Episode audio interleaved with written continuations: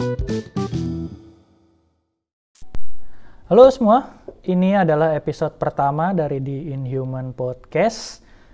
Gak jauh-jauh, uh, kita mau bahas, atau sendiri, uh, gua sendiri mau bahas uh, cover, spesies yang ada di cover dari podcast ini, yaitu Nepenthes aristologioides.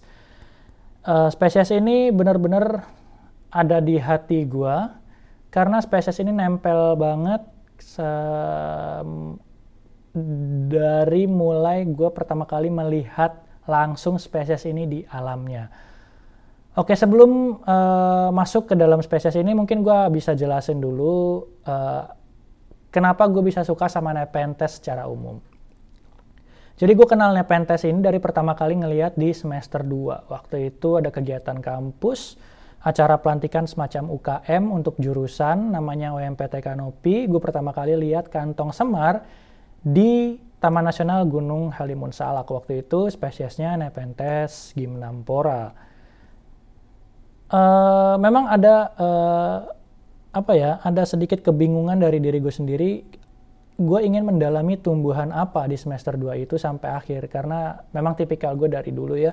Uh, kalau udah suka sama uh, suatu objek, gue akan mendalami itu dan akan mengabaikan hal lain yang uh, tidak membuat gue tertarik dari awal. Tadinya mau rotan karena gue berada pada kelompok rotan, kelompok uh, kelompok kelompok studinya rotan waktu di Halimun, tapi ternyata uh, gue akhirnya dalam tiga minggu singkat banget tiga minggu setelah dari Halimun gue akhirnya menjatuhkan pilihan ke kantong Semar. Uh, singkat cerita di semester berapa tuh ya semester 7 gue mulai fokus untuk uh, melakukan penelitian skripsi pada kantong semar. Jadi di Oktober 2015, di semester 7, gue sudah me mencari ide-ide dan me uh, merapihkan tulisan-tulisan uh, Nepenthes untuk dijadikan bahan skripsi. Tapi efektifnya sendiri gue melakukan usulan penelitian di 1 Maret 2016 dan uh, menyelesaikan uh, sidang skripsi di tanggal 15 Desember kalau nggak salah atau 17 Desember gue lupa di tahun yang sama ya 2016. Kenapa lama? Karena uh, objek yang gue teliti ini sangat uh, banyak dan uh, ternyata tidak bisa dilakukan dalam waktu yang singkat uh, sebagaimana skripsi pada umumnya rata-rata kan teman-teman gue sendiri melakukan skripsi uh, sesingkat-singkatnya ya satu semester atau berapa ya enam bulan mungkin sampai uh, selesai sidang mereka. Tapi gue sendiri tadi dari Oktober 2015 sampai Desember 2016 mulai dari uh, efektifnya ya nulis di sekitar Februari uh, merapihkan benar-benar usulan penelitian lalu proposal penelitian di 1 Maret kemudian dua minggu ke depan gue melakukan perjalanan uh, ke lapangan ke Sumatera untuk uh, ngambil sampelnya Lalu kemudian kembali dari bulan akhir Maret atau mungkin April sampai habis Lebaran itu di Juli ya kalau nggak salah itu gue fokus di lab untuk melakukan pengamatan anatomi mulai dari uh, preparasi sampel sampai akhirnya sampel ini berhasil difoto di bawah mikroskop. Nah dari Agustus sampai Oktober atau November itu adalah Agustus sendiri adalah uh, kegiatan gue sendiri melakukan pengukuran full itu satu bulan, lalu kemudian dari September sampai November adalah fokus di uh, penulisan skripsinya. Lalu kemudian revisi-revisi, sidanglah di bulan Desember. Nah, Nepenthes aristologioides ini sendiri, gue menemukannya di Sumatera, pertama kali melihat di Taman Nasional Kerinci Seblat, uh, yang mana juga merupakan kampung gue sendiri, kenapa gue melakukan penelitian di Sumatera itu. Uh, dan jatuh cinta. Dia adalah spesies yang berbeda sendiri dari 160 sekian spesies lainnya karena mulut atau bukaan celah dari si kantongnya tidak berada di ujung atas kantong, tapi sedikit uh, miring di salah satu sisi badan kantong sehingga uh, dia berbeda sendiri. Dalam deskripsi mungkin disebutnya posisi mulutnya adalah subapikal atau dalam bahasa Indonesia uh, tidak terlalu di ujung, kira-kira begitu.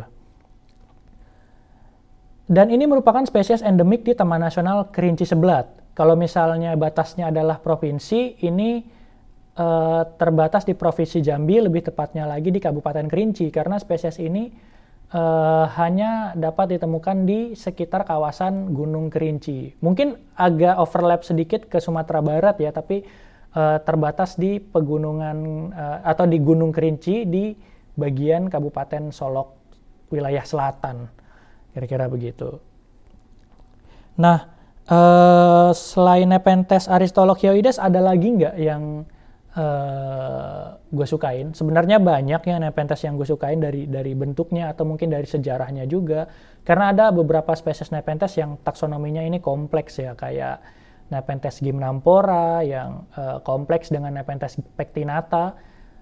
Uh, peneliti satu kelompok peneliti, Chick and Jeb, itu pernah publikasi tahun 2001 bahwa mengatakan bahwa Nepenthes gymnampora dan pectinata ini berbeda secara morfologi dan distribusinya.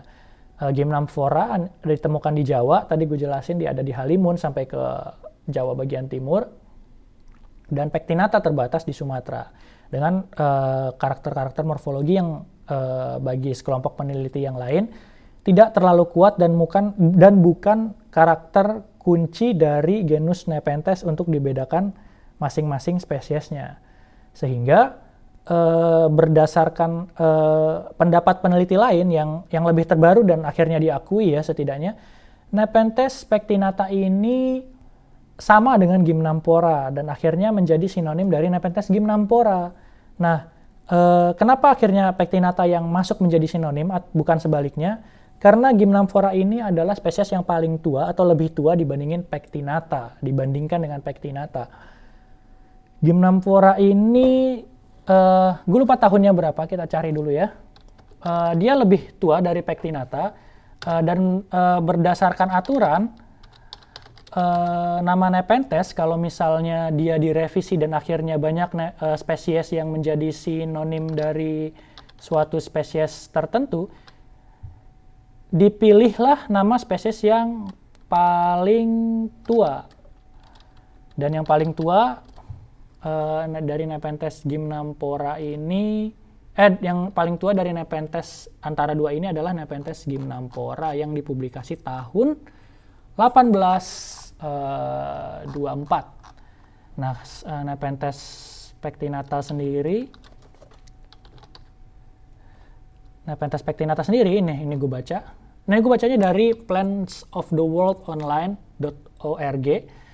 Uh, ini web yang uh, up, paling update untuk nama-nama spesies yang valid dan sinonimnya dan sinonimnya itu sendiri uh, dibikin sama Royal Botanic Gardens Kew di Inggris. Nah, Nepenthes pectinata sendiri ini dipublikasi tahun tahun 1928. Jadi beda beda 100 tahun ya publikasi spesies ini jadi akhirnya ya pectinata yang masuk ke Gymnampora. Nah selain itu ada lagi nggak? Untuk uh, spesies-spesies yang gue lihat langsung sendiri kayaknya uh, belum ada lagi, tapi kalau misalnya dari yang gue baca, gue tertarik justru untuk mencari Nepenthes di wilayah Papua karena uh, belakangan ternyata uh, Nepenthes di wilayah Papua, Indonesia Timur lah ya, sampai ke Kalimantan provinsi yang utara itu di uh, Gunung Kemul itu masih ditemukan spesies-spesies baru yang uh, dipublikasi oleh uh, peneliti luar sayangnya ya.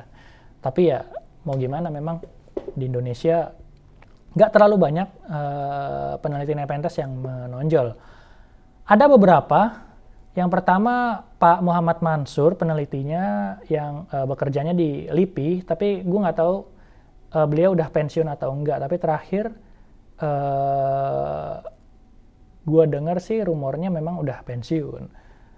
Uh, yang kedua sepasang peneliti dari Universitas Andalas gue lupa mereka ini dosen atau kurator herbarium tapi mereka adalah suami istri pastinya uh, Pak Pita Akhriyadi dan Ibu Hernawati. Uh, sepasang peneliti ini pernah menulis tentang uh, buku petunjuk, buku lapangan uh, tentang Nepenthes yang ada di Sumatera. Judulnya, uh, bentar gue cari. Gue lupa. Gue punya tapi gue lupa. Uh, Nepenthes Sumatera. Judulnya adalah A Guideline. Aduh lupa. Uh, ini bukunya terbit tahun 2006 ya. Uh, jadi memang nggak baru-baru banget tapi masih uh, masih masih bisa dijadikan acuan untuk nepenthes-nepenthes yang ada di Sumatera. Gue lupa judulnya apa. A Guideline of Nepenthes of Sumatera atau apa ya? Uh, ntar gue masih cari. Nepenthes literatur keyword cari di Google biasanya ada di uh, Wikipedia.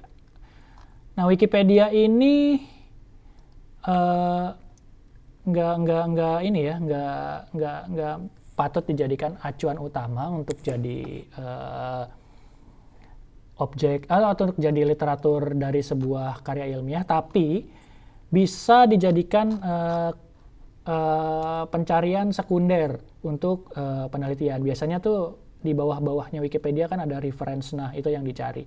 Dan kalau referensinya jurnal, justru bagus banget untuk di uh, klik ya, untuk diklik dan dicari, lalu kemudian bisa ditelusuri lebih dalam dan dicari mungkin jurnal-jurnal selanjutnya yang akhirnya bisa ditemukan. Nah nggak ketemu, gue lupa judulnya apa, tapi nanti di Google uh, ada lah ya, uh, gampang dicari uh, Nepenthes Guide of gue masih penasaran. Kok gue lupa? Field Guide to the Nepenthes of Sumatra judulnya. Sorry gue ulang ya. A Field Guide to the Nepenthes of Sumatra.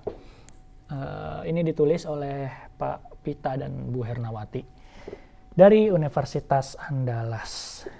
Oke kira-kira itu uh, yang membuat gue suka sama Nepenthes.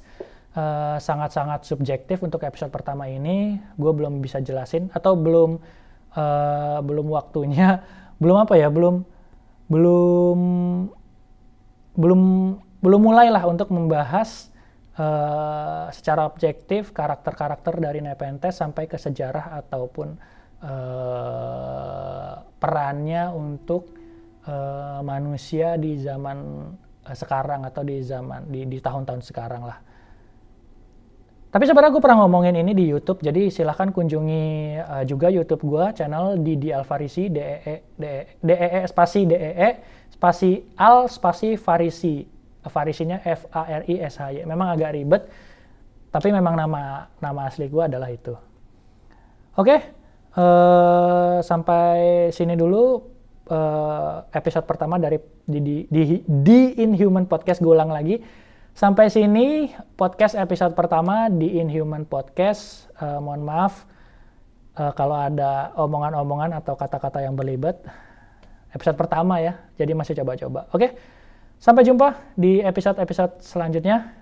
Dadah.